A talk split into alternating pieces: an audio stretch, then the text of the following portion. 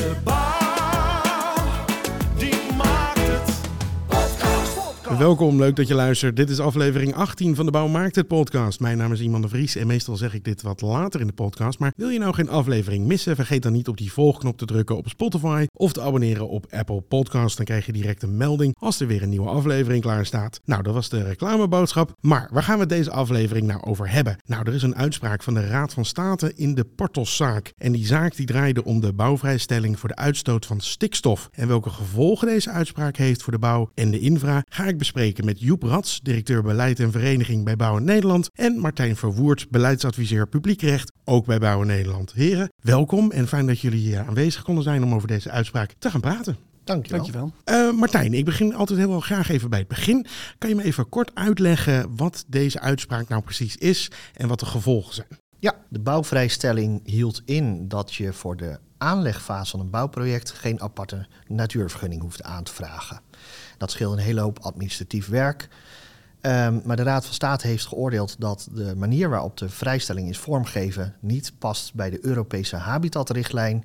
En dat daarmee de hele bouwvrijstelling van tafel is. En dat betekent dat voor alle lopende projecten, waarbij de vergunning nog niet onherroepelijk is, en voor alle nieuwe projecten, eh, ook de bouwfase weer helemaal zal moeten worden doorgerekend op alle aspecten van stikstof. Dat eh, zal wel wat eh, vertraging opleveren, gok ik. Zeker, eh, dat heeft een aantal redenen. Hè. Ten eerste heb je gewoon proceduretijd extra die erbij komt. Dan hebben we te maken met onderbezetting bij adviesbureaus, gemeenten, provincies die over de natuurbeschermingsvergunningen moeten oordelen. Dus onze inschatting is toch dat voor heel veel projecten dat gauw drie tot zes maanden extra vertraging gaat opleveren. Dus we hebben geen permanente bouwstop, maar we hebben wel echt een dip. Ja, dat klinkt zo best. Joep, eh, wat was jouw eh, reactie toen je, nou ja, toen je deze, deze dag er was en die uitspraak er natuurlijk uit, aan zat te komen? Wat was jouw eerste reactie? Nou, ik was natuurlijk gewoon wel oprecht eh, boos en ook gewoon wel verontrust van wat gaat dit nou weer doen? Eh, niet, helaas niet volledig verrast. Hè. We konden het wel zien aankomen Ja, dat dit kon gaan gebeuren. Ik vond het wel heel zwart-wit van de Raad van State. Heel, geen enkele ruimte meer om, om iets van de vrijstelling gebruik te maken. Dat vond ik wel heel ver gaan. Maar we wisten het wel. Ja, en, maar toch is het een enorme impact dat het inslaat. En waar de frustratie zit, is, is dat het uiteindelijk wij als bouw met de vergunningen die we gebruiken, helemaal die natuur niet zo aan het verslechteren zijn. Als wij daar een jaar eh, of zelfs korter aan het bouwen zijn, dat is niet de reden waarom dat het zo slecht gaat met dat natuurgebied.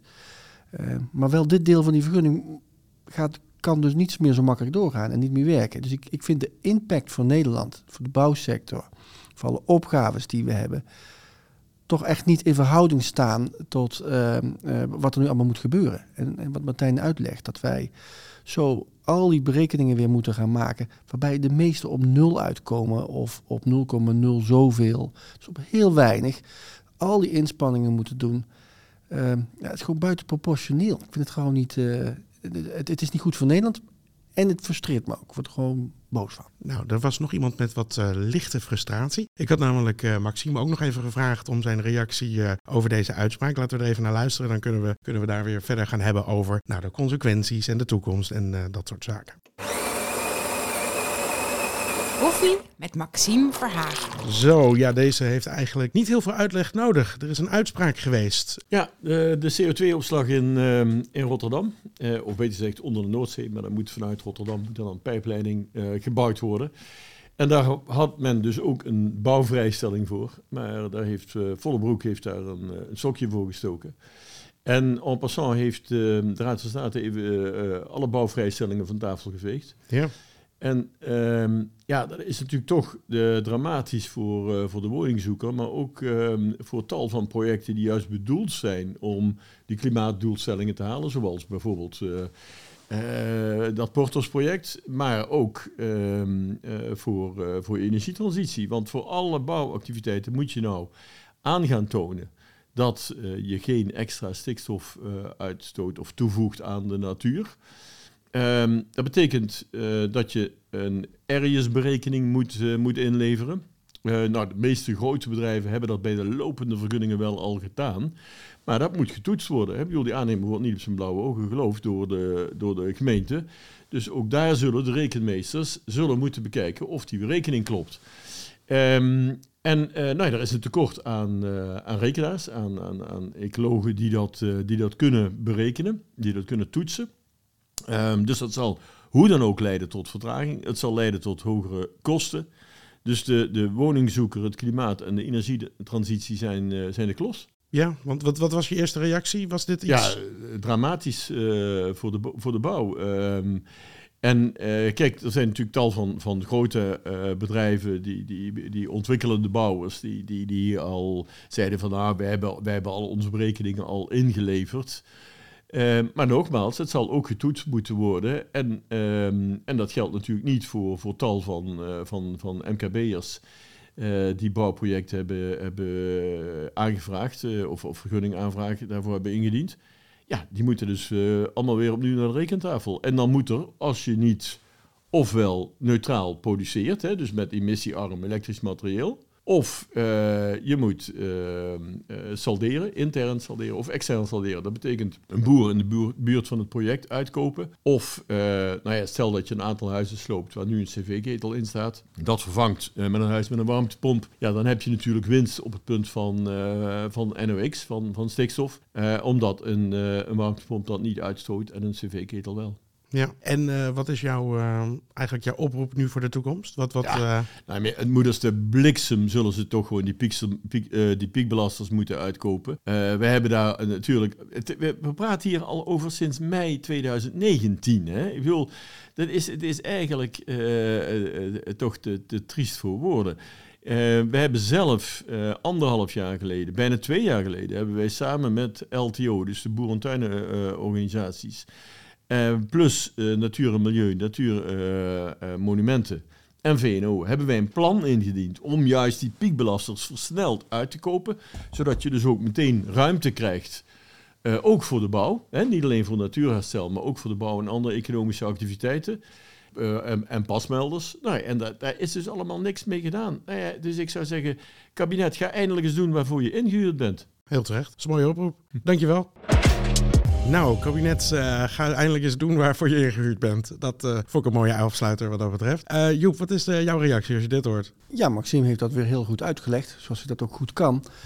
Maar het is inderdaad wel waar, hij moet aan de bak. hè. Kijk, wij, wij zijn sinds 2019 hebben we de uitspraak van de Raad van State. En eigenlijk zijn we terug bij af, bij dat moment weer. Overigens heeft de bouwsector, dat zal Martijn daar ook wel toelichten, echt wel goed op ingespeeld. Dus we weten echt wel hoe we nu verder moeten. Maar het, het is zo ingewikkeld en zo duur en zo complex. En we gaan er gewoon last van krijgen. En dat had voorkomen kunnen worden. Wat de Raad van State is over één ding gewoon heel erg helder. Dat is namelijk, er moet stikstof gereduceerd worden. En de afgelopen drie jaar heeft het kabinet geen stikstof gereduceerd. Wat dus moet gebeuren is, heel eenvoudig moet gebeuren, is dat er met de grote stikstofuitstoters afspraken worden gemaakt om die te verminderen. En dat betekent bij boeren dat ze of stoppen, of verplaatsen, of gaan extensiveren, wat we dan noemen. Dus, dus met, met, met eh, minder dieren op, op meer land. Ja. Ehm, dat kan allemaal helpen. Of met grote fabrieken afspraken maken hoe ze met filters dat gaan doen. En, en die stikstof, die daar ruimte die daar ontstaat, die kunnen we dan gebruiken voor bouwprojecten, infraprojecten. En we hebben ook heel weinig nodig. Dus dat kan eigenlijk heel succesvol eh, verlopen. Maar dan, eh, dan moeten een paar mensen een auto instappen, het boerenerf op, naar de bedrijven rijden en in de boardrooms het gesprek aangaan aan de directietafels over hoe gaan we dat terugbrengen. En dan moeten we dat keurig registreren en dan gaan we daarna verdelen en dan gaan we dat ook naar projecten toedelen. En dan kan het gewoon werken. En als we dat heel goed doen, kunnen we er zelfs weer een drempelwaarde van maken. Want dat was het grote vraagstuk van deze zaak. De Raad van State heeft zelf geadviseerd dat er een vrijstelling zou moeten komen voor de bouw. Alleen, ze zeggen, er is geen onderbouwing voor. Dus je had ook stikstofruimte erachter moeten zetten. Dat was ook onze kritiek van begin af aan. Ehm, maar dat hebben ze niet gedaan. En dat kunnen ze alsnog doen. Ja, maar dat had ik ook gelezen. Dat het in principe het idee goed was, maar dat het gewoon rommelig in elkaar was gezet. Eigenlijk een beetje overhaast. En dingen waren misbruikt in deze bouwvrijstelling die niet hadden gebruikt mogen worden. Nou, eh, gewoon heel eenvoudig is het. Ze hebben gewoon gezegd, jullie hebben gewoon vanaf nu altijd een vrijstelling. Maar er is niet bij verteld hoe ga je de stikstof reduceren. En het Raad van State heeft gezegd, het mag, je mag best dit wel doen, maar er moet wel iets tegenover staan. En dat er tegenover staan is niet gebeurd. Er is van alles bedacht wat we met stikstof gingen gaan doen en beleidsbrieven en verhalen, maar dat is niet geen stikstof feitelijk gereduceerd. Dat had gemoet. Ja, maar dan komen we toch denk ik wel een beetje bij een pijnpuntje. Want eh, deze uitspraak gaat gevolgen hebben voor iemand. En die gevolgen die zijn er, ja, er wordt al heel lang over gesproken. Maar die zijn, nog, die zijn er nog niet. En die liggen dan toch voornamelijk, als we de nieuws, eh, het nieuws zo mogen volgen, toch voornamelijk bij de boeren. Hoe gaat dat de relatie eh, verhouden? Want jullie hebben ooit nog een plan geschreven met z'n allen. Gaat dat, gaat dat nog lukken? Of staan jullie belangen nu toch wel iets meer tegenover elkaar? Nou, we houden elkaar nog goed vast. Kijk, bij die boerengemeenschap, daar zijn heel veel bedrijven die willen best stoppen. Er zijn bedrijven die hebben geen opvolger, of die zijn ook het, al het gedoe zat. Hè? Dus die, die, daar gewoon ook vervelend van. Dus er zijn eigenlijk genoeg partijen die best wel willen stoppen. Eh, en, en dat is ook wat het, het, de afspraak die we met hun gemaakt hebben, is laten we nou eerst eens proberen twee jaar aan de gang te gaan met degene die willen. Eh, en dan maken we goede afspraken voor. En dan gaan we, er is ook heel veel geld voor uitgetrokken, nog veel meer dan wij voorgesteld hadden. Dus ga met die boeren praten en zorg dat ze stoppen en registreer dat. Daarnaast hebben we natuurlijk ook gezegd, er zijn op bepaalde plekken staan gewoon bedrijven die heel veel uitstoppen o- op een gebied, zogenaamde piekbelasters. Ga daar nou maar ook stevig het gesprek mee aan. Wel met een stok achter de deur, als ze na twee jaar er niet zelf met de plan zijn gekomen, ja, dan komen er stevigere plannen voor terug. Feitelijk moet eigenlijk gewoon gebeuren wat wij met hun hebben voorgesteld. Dus daarom kunnen we elkaar zijn handen vasthouden. Want zij zeggen ook, er kan gereduceerd worden. Ja, we hebben al een keer een eh, aflevering gemaakt over stikstof. Nog even voor de herhaling, eh, misschien ook voor jou Martijn. Eh, er zijn nog steeds mensen en ook eh, uit het boerencircuit hoor ik dat toch wel redelijk vaak. Nou, het is toch helemaal niet zo erg gesteld met die natuur en stikstof hoort er toch bij. Eh, ja, hoe staan we daarin? Nou ja, dat is een, eh, het is een maatschappelijk ingewikkelde, hè, laat ik dat voorop stellen. Eh, want als je aan mensen hun bestaanszekerheid komt, dan doet dat pijn. Hè, dus laten we dat denk ik allereerst erkennen. Aan de andere kant hebben we ook nou, wetenschap. Hè, en eh, een groot deel van de ecologen en wetenschap is het toch wel echt over eens. Eh, en dat wordt ook waargenomen hè, in metingen die al heel lang worden gedaan. Dat je toch op een hele hoop plaatsen in natuurgebieden toch de effecten van te veel stikstof ziet. Ja, en het, het is niet onze taak of plaats als Bouw Nederland om wetenschap ter discussie te stellen. Hè. Dus ehm, ja, wij, wij zitten daar genuanceerd in. We begrijpen de pijn heel goed. Maar wij zijn niet de partij om te zeggen, eh, wetenschap deugt niet. Nee, en dan heel even door, want over wiens taak het is en, en bij wie het ligt. Eh, is dit nou eigenlijk iets wat de Nederlandse politiek nu echt moet gaan doen? Of is dit toch iets meer wat bij Brussel ligt? Want dat is wel waar uiteindelijk die wetgeving, eh, nou ja, vijf jaar geleden of zoiets, of inmiddels al meer, is, eh, is bedacht. En wat, waar we nu de effecten echt van voelen. Bij wie ligt dat? Dat is een goede vraag. Ehm, kijk, die Brusselse regelgeving is er. Dat is gewoon een voldongen feit. Hè, dus daar kunnen we tegen ageren en daar vinden we ook wel iets van. Maar die veranderen niet van dag 1 op dag 2. Hè. Dat zijn processen die hebben vele jaren nodig. En nou, net bij de Raad van State zul je dan heel goed moeten kunnen uitleggen waarom het voor Nederland niet werkt. Hè. Waarom dat bijvoorbeeld leidt tot een bouwstop. Ehm, dus dat is, is een spoor wat je kunt bewandelen, maar wat voor de korte en middellange termijn gewoon niets oplevert. Hè. Dus je, je zult gewoon aan de slag moeten binnen Nederland, binnen de dwingende Europese regelgeving die er is. Eh, en ah, ik denk ook dat als je succes zou willen hebben in Brussel, zul je eerst moeten laten zien als Nederland dat je binnen wat er ligt heel goed je best hebt gedaan. En daarvan is Brussel in ieder geval tot op heden echt niet overtuigd. Hè? Nederland is toch, wordt toch wel een beetje gezien als het, het zwakste jongetje van de klas op dat gebied. Eerst maar even laten zien dat je je best doet eh, voordat je gaat klagen over hoe zwaar en erg het allemaal is wat dat betreft. Ja, precies. En wat moet de Nederlandse politiek nou verder gaan doen? Want je zei het al, de grootverbruikers. Maar dat zeggen we nu al zo lang. Hoe, hoe komen we daar? Nou, er zijn gewoon een paar dingen die echt gewoon kunnen. Eh, het eerste is net die reductie. Dus ga met boeren praten die willen stoppen of die iets anders willen. Ga met die bedrijven praten om, om, eh, om ze te helpen om dat te doen. Middelen hebben geld hebben we genoeg. Eh, 25 miljard, dat is hartstikke veel. Eh, dus dat moet gewoon gebeuren. Wa- Wat, wat, wat ze daarbij wel moeten maken is dat we ook goed registreren welke ruimte er dan is en hoe dat verdeeld moet worden. Dus dat is echt wel de eerste stap.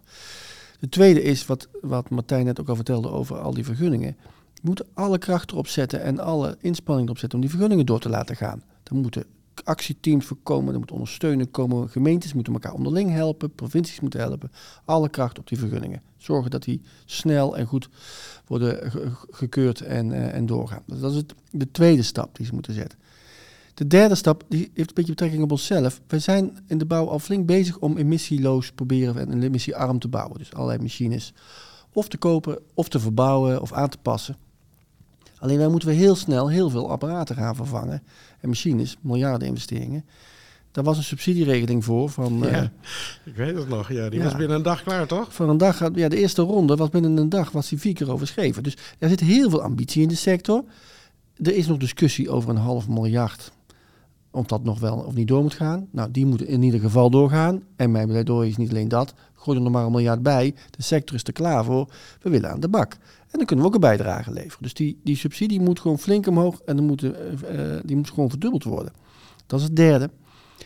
Vierde is, er kan nog steeds een drempelwaarde. Alleen doe nou volgens de regels die Raad van State zelf opgeschreven heeft. Dus ook dat eh, kan ook gewoon erbij gelegd worden. En dan is het vijfde, er is, komt een nationale stikstofbank volgens Remkes. Daar moet ook heel, heel helder en kip, klip en klaar staan dat we daar ruimte, en we hebben maar weinig nodig voor de bouw en de infra. Nou, als we die vijf zaken hebben, en dat kan nu binnen nu en drie maanden in principe allemaal in gang gezet worden. Oké, nou dat klinkt best wel eh, duidelijk. Maar wat moeten bouwondernemers nou nu gaan doen? Want we hebben, jullie hebben laatst eh, ook een webinar gegeven, heel veel vragen beantwoord. Want er was natuurlijk nog best wel, nou ja, eh, de gemoederen liepen natuurlijk wel een beetje op. Maar wat moeten bouwondernemers nu gaan doen? Het begint eigenlijk allemaal met die areas-berekening voor de bouwfase. Hè. Dus voor de aanlegfase of voor de gebruiksfase had je die al, hè. dan moest je dat doen. Nu ga je kijken voor de realisatie voor de bouwfase. Wat doet dat qua stikstofdepositie op eh, Natura 2000 gebieden? Nou, daar kan uitkomen dat dat helemaal niets doet. In dat geval heb je geen natuurbeschermingsvergunning nodig. Wel even goede print maken van je berekening. Hè, dat je kunt laten zien dat je hem gemaakt hebt en dat het eruit gekomen is als er vragen komen.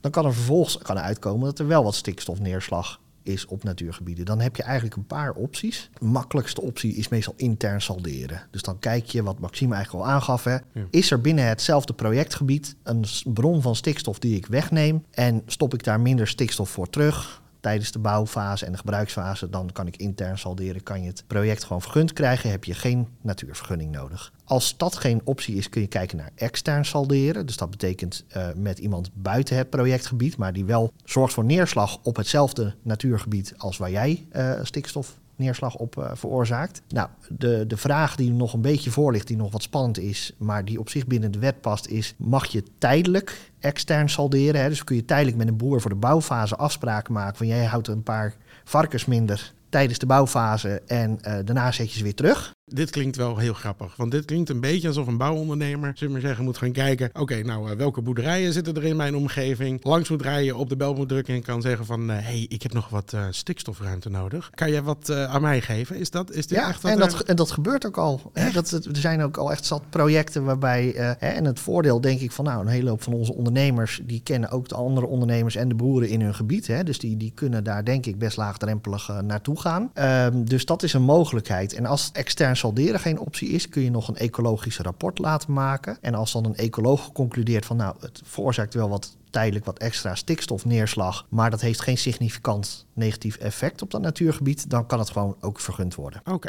Dus er zijn nog wel wat mogelijkheden, maar allemaal arbeidsintensiever eh, en ook eh, kostenintensiever. En we hebben ook goede uitleg op onze website staan. eh, Ja. Met een schema hoe je dit het beste kan doen. ja, uh, www.bouwendnederland.nl slash stikstof, als ik mij goed Helemaal kan juist. herinneren, inderdaad. En wat, wat zijn, nog meer, zijn, dat, eh, zijn er nog meer zaken waar eh, ondernemers nu tegenaan lopen? Nou, waar ze tegenaan lopen is natuurlijk gewoon eh, capaciteitsgebrek overal. Hè? Dat is, eh, dat Ja. ook echt het punt van zorg. Ehm, hè, dus eh, het invullen van het Arius-model, dat is... eh, ja, het zou door een leek te doen moeten zijn. Ik heb het zelf wel eens geprobeerd.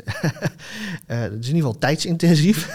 Ehm, eh, maar we zien wel dat her en der leden intern mensen aan het opleiden zijn om zelf die berekeningen te gaan maken. eh, zodat je daar minder afhankelijk bent van externe bureaus. Hè. Dus dat is een investering die je aan de voorkant moet doen, maar die je op de langere termijn wel heel veel kan opleveren. Eh, omdat je dan daar in ieder geval niet meer van derden afhankelijk bent. Maar ja, bijvoorbeeld voor zo'n ecoloog, hè, een ecologisch rapport laat opstellen. Ja, daar zit wel echt serieuze wachttijden inmiddels aan. Ja, ik weet dat sommige bedrijven hebben, de grotere bedrijven, die hebben ook ecologen in dienst, hè, inderdaad, die doen het Ja. zelf. Maar voornamelijk de kleinere bedrijven, die lopen natuurlijk nu wel tegen de muur aan. En wat ik heel even, want wat ik Maxime net ook hoorde vertellen was, dat is allemaal leuk. Dan heb je zelf eh, dat eh, misschien wel een ecoloog in dienst, dan heb je dat allemaal getoetst. Hè, maar dan moet het nog getoetst worden. En daar zijn dan mensen tekort. Eh, ik heb dit vaker gehoord, ook eh, bij eh, de verkiezingen, was van ja, wij willen wel bouwen, maar vergunningen worden tegen, die komen er niet door, omdat er gewoon niet genoeg mensen bij de, bij de gemeentes zitten die, die daarnaar kunnen kijken. Dat lijkt me iets wat wel moeilijk is om op te lossen. Ja, maar het moet wel. En, dus we moeten alle krachten bundelen. Gemeentes moeten krachten bundelen. Rijksoverheid moet helpen met, met capaciteit. Waar we ook vooral met elkaar goed op moeten letten, is dat het niet als een smoes gebruikt wordt om het niet te doen. Hè. Dat is ook wat we zien. Dus, eh, want er zijn nog steeds wel mensen die het wel kunnen. En eh, als goed is, wordt er ook steeds beter in. We zullen ook als Bouw in Nederland kijken of het ons lukt om al die procedures nog verder te ver- ver- vereenvoudigen. Want we moeten toch zoveel gaan beoordelen. Laten we dat dan eenduidiger doen, eenvoudiger doen. Dus we moeten ook leren hoe we dit sneller kunnen doen. Dat is wel het traject waar we nu in moeten. Ehm, maar we moeten ons niet uit- daarover niet uit het veld laten slaan. Er zijn mensen, we moeten de capaciteit goed verdelen, goed inzetten. En we moeten ook de gemeentes eraan houden dat ze het niet als een, als een smoes gebruiken om geen vergunningen te verlenen. Ja, en dan nog, want we hebben het veel over woningen. We moeten zoveel woningen bij. En hoe heeft het invloed ook op de infraprojecten? Zelfde regels of toch weer anders? Ja, daar gelden dezelfde regels voor. En, en daar kun je nog misschien een beetje onderscheid maken. Hè? Eh, ehm, eh, als je nieuwe infrastructuur gaat aanleggen vlakbij andere infrastructuur, dan zou je kunnen zeggen van nou dat het ontlastend deel, hè, dus daar haal ik stikstofuitstoot weg die op een andere plaats terechtkomt. Hè. Maar voor een aantal grotere infraprojecten zal het best wel ingewikkelder eh, worden. Hè. En ik denk dat daar vaak toch uiteindelijk het ecoloog zal zijn die zal moeten zeggen van nou dit project kan doorgaan omdat dat geen significant negatief effect heeft. Het verschil denk ik wel met de woningbouw is dat daar de overheid vaak de opdrachtgever is en dus ook degene is die aan de lat staat om dat soort onderzoeken te laten uitvoeren. Eh, en bij woningbouw zijn dat eerder onze leden zelf. Dus daar zit nog wel een verschil in eh, wie er aan de lat staat en wie de kosten moet dragen. Maar het is wel zorgelijk hoor. Infrastructuur komt Ja. wel. Kijk, het, wel, het was wel heel moeilijk, zeker om nieuwe infrastructuur Hm. aan te leggen. Of om wat stevigere aanpassingen te doen, zal ook niet meevallen. Eh, dus het zal veel meer op het onderhoud komen en wat vervanging. Ik vind het wel een bijzonder zorgelijk dat we in Nederland hier zo mee omgaan. Maar we gaan een flinke vertraging oplopen. De files lopen al op. De fietspaden zijn al overvol. Eh, de, de, de openbaar vervoer zit vol. We, gaan elkaar, we hebben het elkaar hier maar, maar elkaar wel heel moeilijk gemaakt. Ja, maar het hangt natuurlijk ook allemaal samen. Ik bedoel, we kunnen mooie woningen neerzetten. eh, maar ja, er moet ook een weg naartoe eh, om, om er weer dat al die mensen er naartoe kunnen wat dat betreft. Dus het lijkt wel alsof er voor de infra weinig aandacht toch altijd is. En misschien omdat het publieke belang meer denkt van woningen, woningen, woningen, woningen. Maar al die wegen die lijken een beetje tegen te vallen of zo. Nou ja, het eerste dat iedereen denkt aan wegen. Eh, en daar hebben we overigens ook, hè, want er staan hele gewone mensen hè, in die grote files. Hè. De Afgelopen week 1200, meer dan 1250 kilometer. Er zitten allerlei mensen die zitten daar, staan daar wel in die file te wachten om, om door te komen met alle gevolgen die dat heeft. Maar eh, het is niet alleen wegen, het zijn ook de fietspaden, het zijn ook de wandelpaden, het is ook de, de openbaar vervoer. We, we moeten op allerlei infrastructuur om onze mobiliteit voor elkaar te krijgen. En iedereen weet het. Het maakt niet uit welk vervoersmiddel je zit. We zien overal dat het vol en druk is. En daar moeten we met elkaar aanpassingen op maken. En het is, jou, het is toch echt wel vervelend dat we door dit dat allemaal naar eh, wegduwen. Terwijl ja, als iets echt slecht voor de natuur is, dan zijn dat files. En we, hebben daar gewoon echt verbeteringen aan te brengen. Ja, en we hebben ook natuurlijk bijvoorbeeld eh, de verzwaring van het energienet, hè, de ondergrondse infrastructuur, kabels en leidingen. Dat ook hele belangrijke projecten zijn. eh, zeker met de elektrificatie die we allemaal willen hè, en van het gas af. Als die investeringen ook niet kunnen, dan komt gewoon de hele verduurzamingsagenda onder druk te staan. Hè. Dus eh, eh, ook dat deel van de infrastructuur eh, komt ook in de knel. En dat is ook een heel belangrijk eh, aspect. Kijk, dus je moet ook naar de lange termijn hiervoor kijken. Kijk, dat, dat we, we naar meer emissieloos verkeer moeten. Dat hoort daar ook bij. Hè. Dus we zullen veel sneller nog in Nederland naar elektrische auto's moeten. En daar hoort overigens die infrastructuur dan wel weer bij. Hè. Dus die moeten we dan ook aanleggen. We- Dus die aanpassing moeten we ook doen. Uiteindelijk eh, ja, is dat ook de weg die we, die we op moeten gaan. Het aanleggen ervan vraagt helemaal niet zo heel veel stikstofruimte. Dus dat, dat, dat is eigenlijk nog wel prima te regelen. We moeten die transities gewoon inzetten. Die zijn voor de lange termijn van Nederland gewoon veel beter. Ehm, dus ja, ik, ehm, hier moeten we eh, kabinetten en andere overheden flink aan houden.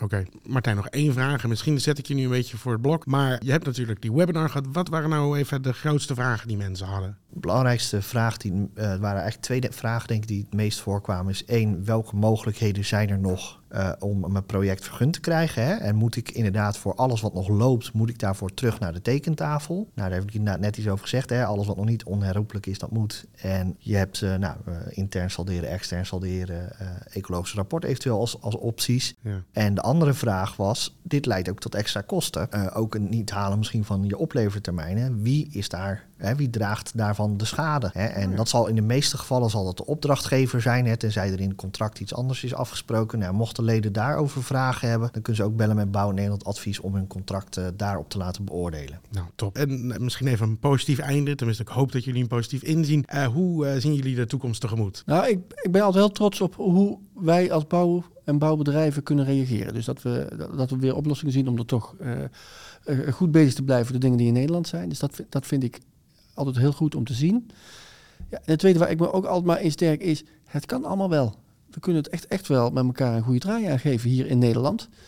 Eh, maar we moeten wel, eh, wel, eh, wel even durven en gewoon doen. En dat akkoord tussen twee natuurpartijen, dus Natuur en Milieu, Natuurmonumenten, wij van Bouwen Nederland, samen met VNCW, die, die dus de industrie vertegenwoordigt, en de boeren LTO Nederland, wij hebben een mooi plan gemaakt. En dat kan nog steeds. Laten we er vooral over beginnen. Dus dat is mijn, mijn positieve toon. We kunnen dit met elkaar gewoon oplossen. Nou, ik sluit me wel aan bij Joep, eh, hè, waar je ziet dat politiek er niet uitkomt hè, en eh, eigenlijk polariseert en misschien nog drie jaar wil praten over wie precies piekbelasters zijn. Hè, zie je dat er heel veel ondernemerschap naar voren komt en bereidwilligheid van allerlei sectoren van het maatschappelijk middenveld eigenlijk om, eh, om gewoon stappen te zetten te midden van alle tumult. En eh, ja, ik, heb daar, ik neem daar mijn petje voor af. Ik vind het heel knap. Dank jullie wel. Heel erg fijn dat jullie eh, dit even zo wouden uitleggen. Ik heb ook weer wat geleerd, dus dat is heel fijn. Dank je wel. Wil jij nou meer weten over die uitspraak en over stikstof? Ga dan naar www.bouwendnederland.nl slash stikstof. We hem al een keer genoemd. Maar ik zal de link ook nog even een keer in de show notes zetten. Voor deze keer weer bedankt voor het luisteren en tot over twee weken. De